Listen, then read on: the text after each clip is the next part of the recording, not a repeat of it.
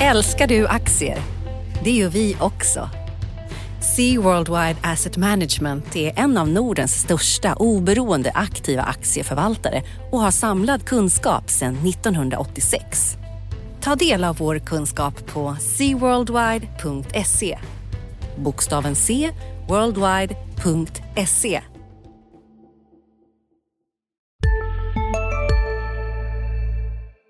Hej! Andreas Johansson på DIs nyhetsmagasin Ekonomistudion här. Vi fördjupar oss i de viktigaste frågorna och möter Sveriges makthavare inom ekonomi och politik.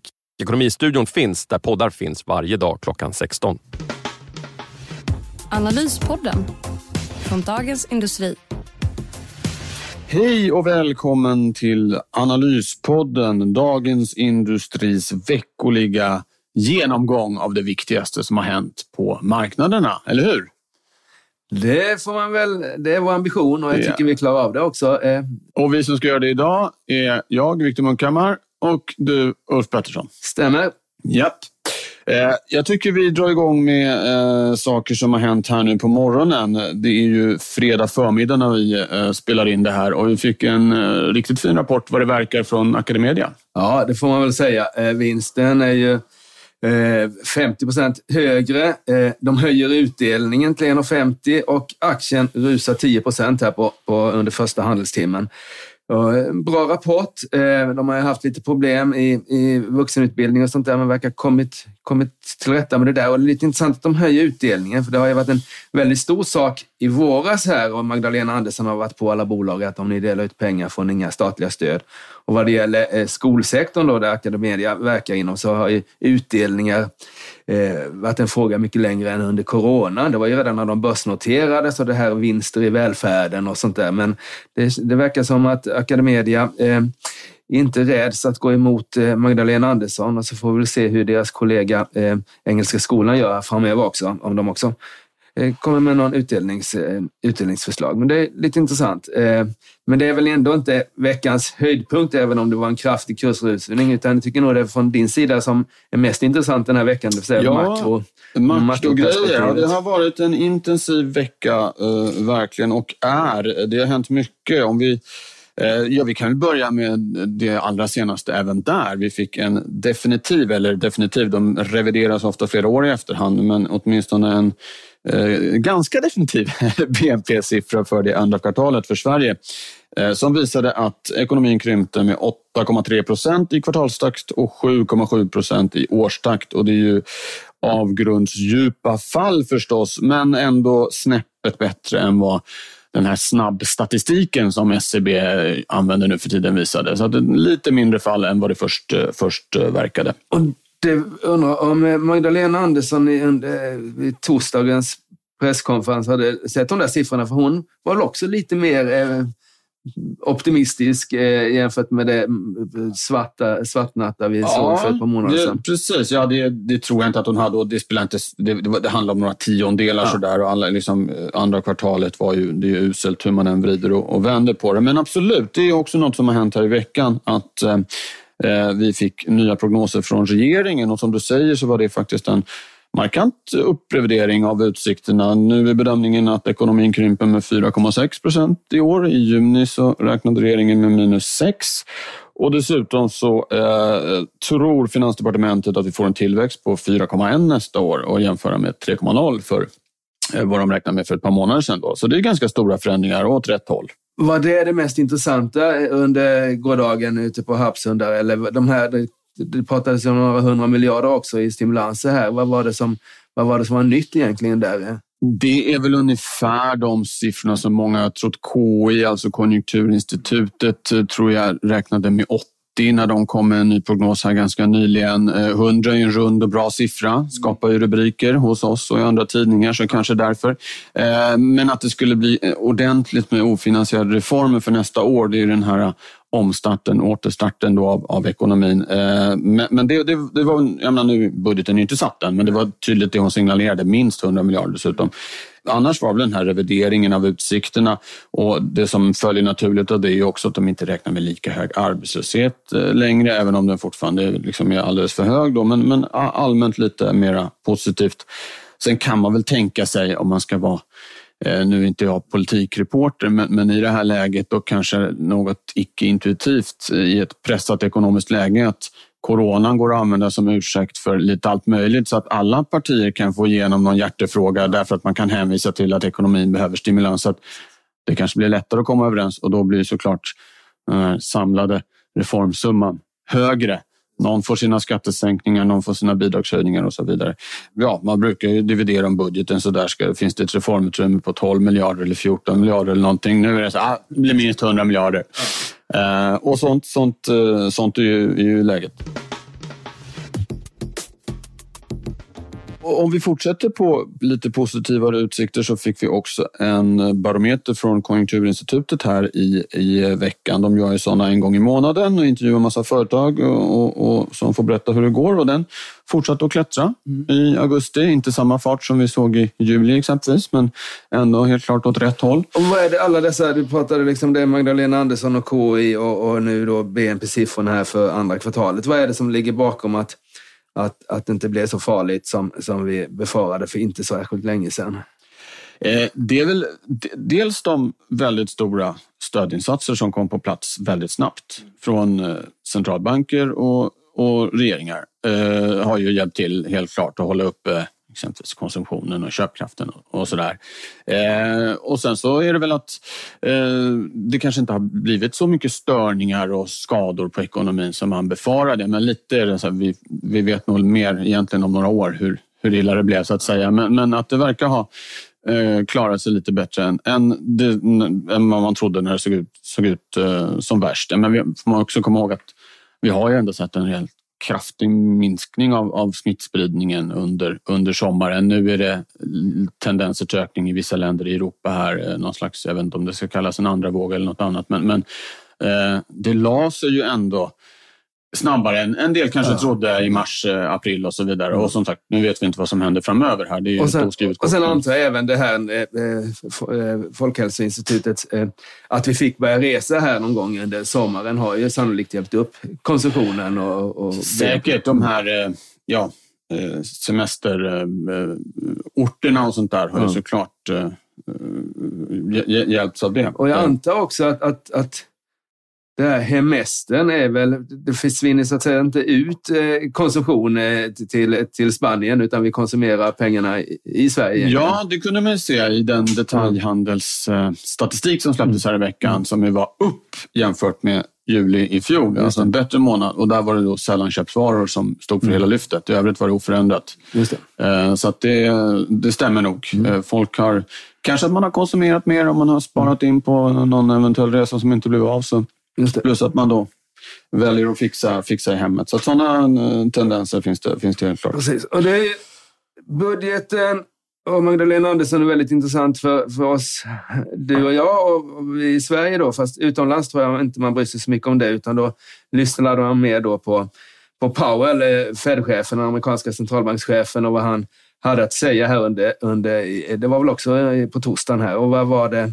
för börserna reagerade positivt på det där och dollarn fortsatte att försvagas. Eh, vad, ja. vad var det som hände och egentligen? Räntekurvan brantade. Ja, jo, men det var ju som många misstänkte att han skulle lägga fram i det här Jackson Hole-symposiet då, där de brukar ju annonsera stora förändringar av, av penningpolitiken. Eh, och det Fed eh, säger är att de nu ska sikta visserligen på 2% inflation fortfarande, men som ett genomsnitt. Eh, som det är nu så, så siktar man ju på 2% oavsett vad man har bakom sig. Nu är ambitionen att det ska vara inflationen i genomsnitt ska vara, vara 2 och den praktiska konsekvensen av det blir då att man ska kompensera för vad som har hänt. Har inflationen legat över 2 eh, under den, den föregående perioden så ska Sista dagarna nu på vårens stora season sale. Passa på att göra sommarfint hemma, både inne och ute. Och fynda till fantastiska priser. Måndagen den 6 maj avslutar vi med Kvällsöppet i 21. Välkommen till Mio. Hej, Synoptik här. Visste du att solens UV-strålar kan vara skadliga och åldra dina ögon i förtid? Kom in till oss så hjälper vi dig att hitta rätt solglasögon som skyddar dina ögon. Välkommen till Synoptik. Man försöka få den lite under 2% och tvärtom såklart. Då. Och det är det som är aktuellt nu därför att inflationen har ju legat eh, under 2% under många år. Eh, och då eh, är tanken nu då att man ska låta den ligga lite högre ett tag för att i genomsnitt nå 2% Och det här betyder ju allt annat lika då att Fed kommer ligga kvar ännu längre med noll, nollräntan, bör det vara i alla fall. Och det fick ju då dollarn att försvagas och eh, räntekurvan brantade lite, det vill säga att eh, långa räntor i relation till korta eh, steg. Då. Sen så, det här med börsen. Eh, I praktiken så har väl Fed kanske fört den här politiken redan. De har sagt att vi kommer inte bry oss om ifall inflationen är lite högre än 2% Även Riksbanken har sagt det, att det, det är inte så farligt med tanke på var vi kommer ifrån. Så att kanske inte att det... Eh, ja, i praktiken kanske inte en jättestor förändring, men nu är det åtminstone den officiella linjen. Det är det de ska göra och det är en principiell förändring om inte annat.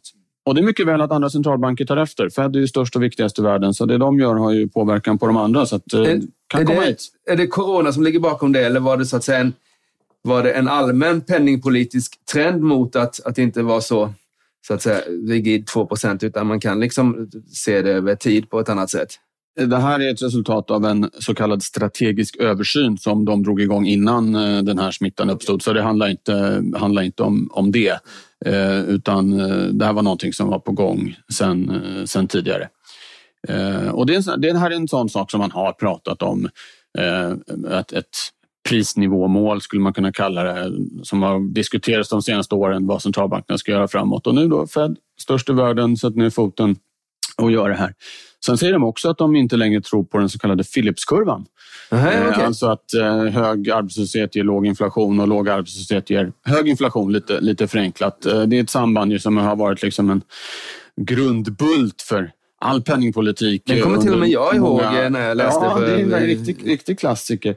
Eh, eh, men det, det sambandet tycker de är så svagt nu att de inte riktigt liksom, litar på det. Det blir också intressant att se vad andra centralbanker har att säga i, i den frågan. Så det här kommer säkert ge ringa på vattnet, eh, det som kom här från Jackson Hole. Vi pratar USA och så kanske lite börs. Det har ju varit eh, nya börsrekord där. Finns det något att säga om det eller ska man bara eh, ja, men det, Är det börsrekord så måste man väl säga någonting om det. Ja, det är ju det vi ja, gör varje dagarna, så det ja. får väl göra. Eh, väldigt starkt i USA. Eh, tror den hjälps upp lite relativt de andra av den svaga, svaga eh, dollarn också. Vi är ju inte riktigt på eh, toppnivå eh, här i Sverige, även om vi inte är så långt ifrån då. Men vi har inte slagit några rekord egentligen här sen, sen coronapandemin. Vi har ju gått upp på plus liksom sen, sen årsskiftet, men inte riktigt nått upp februari-topparna här. Eh, nej, det är en stark, stark marknad och det, det är ju säkert att göra med det här TINA för dina Eh, Powell där, det, i börssammanhang så översätts ju då det till TINA, att det finns inga alternativ. Eh, räntemarknaden är död som placerings, placeringsmarknad för, för eh, de som gillar avkastning och då blir det ännu mer aktier så att säga. Så det är väl det. Eh, och annars har det varit en ganska... Vi har haft svårt eh, på Stockholmsbörsen att nå över OMX 30, över 1800 här. Vi har varit uppe och och, och nosat på det. Eh, igår var vi, torsdags var vi över lite grann, men stängde under 1800 och sådär. Så det verkar vara liksom en, ska vi säga, en tekniskt ganska jobbig nivå att gå över. Vi får se vad som händer i nästa vecka här. Eh, men annars har det varit inte jättemycket. Lite rapporter har det kommit under veckan. Eh, det kanske mest intressanta var eh, Triton, riskkapitalbolagets bud på HiQ här. Eh, HiQ är en gammal har varit med länge på börsen. Det var med redan innan eh, IT-krisen, eller ja, IT-håsen och IT-krisen eh, på 90-talet, 00-talet. Det eh, är ett kvalitetsbolag som inte riktigt har levererat senaste åren och det gjorde väl att Triton kunde, kunde tro att de kan räkna hem pengarna då på, på att köpa dem. Mm, just det. Vad var det för budpremie där? Var det 33 procent? Ja, 25 procent. Så den är i, i underkant av, av vad man brukar får då, eh, lite under genomsnittet. Eh, och det där tror jag gör att det kanske inte det är inte en affär som redan är i hamn här. Eh, det finns ett antal fonder, Lannebo är väl störst och som lätt skulle kunna gå över 10 procent enskilt eller om de går ihop för att stoppa det här eller försöka höja budet. Och min gissning är nog att de här fonderna gärna vill de säger inte ja till det här bara oaktat, utan de vill nog visa att, att de har kraft så de försöker få upp den 10 procent till. Och det kan vara så att Triton la 25 procent för att de visste att det skulle komma ett sånt, ett sånt krav och så höjer man 10 då är det 35 och då är man på genomsnittet. Det skulle kunna vara en, en möjlig sida.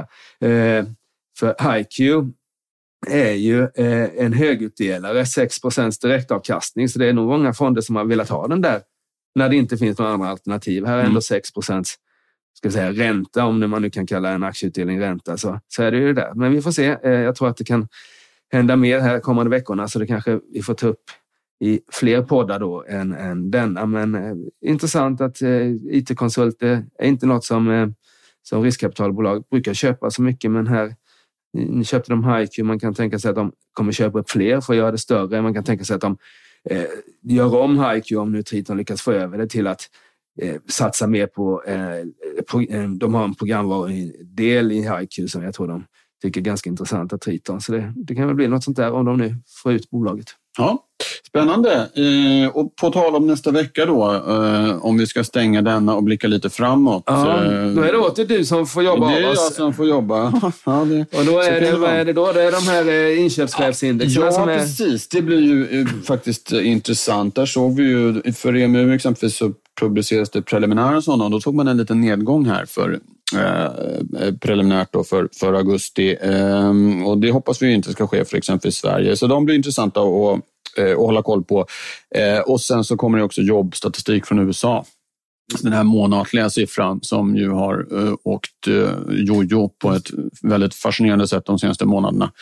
Eh, och den eh, blir viktig, både som en temperaturmätare på hur det går för, för den amerikanska ekonomin och eh, såklart som ett slagträ i den presidentvalsdebatt som ju är i full storm där borta. Så det ser på förhand ut att bli det mest intressanta nu rycker det ju närmare här. Det är sista, sista vardagen i augusti och då är det ju bara två månader bort till presidentvalet egentligen. Och det kommer ju bli väldigt, väldigt hett. Japp. Ska vi stänga butiken för idag? Det tycker jag. Eller har du något mer att tillägga? Ja, det tycker jag. Det är, Nu har solen börjat lysa utanför fönstret här också och det är fredag så det känns, känns bra att avsluta. Ännu en intressant vecka och nästa vecka kan också bli spännande för oss som gillar finansmarknader. Japp, då tackar vi alla er som har lyssnat och önskar en trevlig helg. Och så ska vi såklart påminna om de andra poddar från Dagens Industri som man kan lyssna på. Exempelvis Ekonomistudion som kommer varje dag. Precis. Morgonkoll varje dag. Eh, Digitalpodden varje vecka. Varje vecka. Uh, din podd, ja, Makrorådet, ja, den varannan vecka. Det finns ett avsnitt som kom ut i förrgår, i onsdag, ja. som man kan lyssna på. Säsongspremiär. Och sen så har vi Ledarskapspodden också. Just det. Känsla. Just det. Just det. det finns många poddar. Men nu säger vi tack och hej. Tack, tack. Hej. Analyspodden från Dagens Industri. Programmet redigerades av Umami Produktion. Ansvarig utgivare Peter Fellman. Varje vardag klockan sju uppdaterar DITVs Morgonkoll dig om natten och morgonens viktigaste nyheter. Från börsstängningen i New York till läget i den asiatiska handeln. Och strax därefter kommer podden med samma namn. Prenumerera på Morgonkoll du också så är du uppdaterad inför varje ny arbetsdag. Morgonkoll finns där andra poddar finns. Hej! Andreas Johansson på DIs nyhetsmagasin Ekonomistudion här. Vi fördjupar oss i de viktigaste frågorna och möter Sveriges makthavare inom ekonomi och politik. Ekonomistudion finns där poddar finns varje dag klockan 16.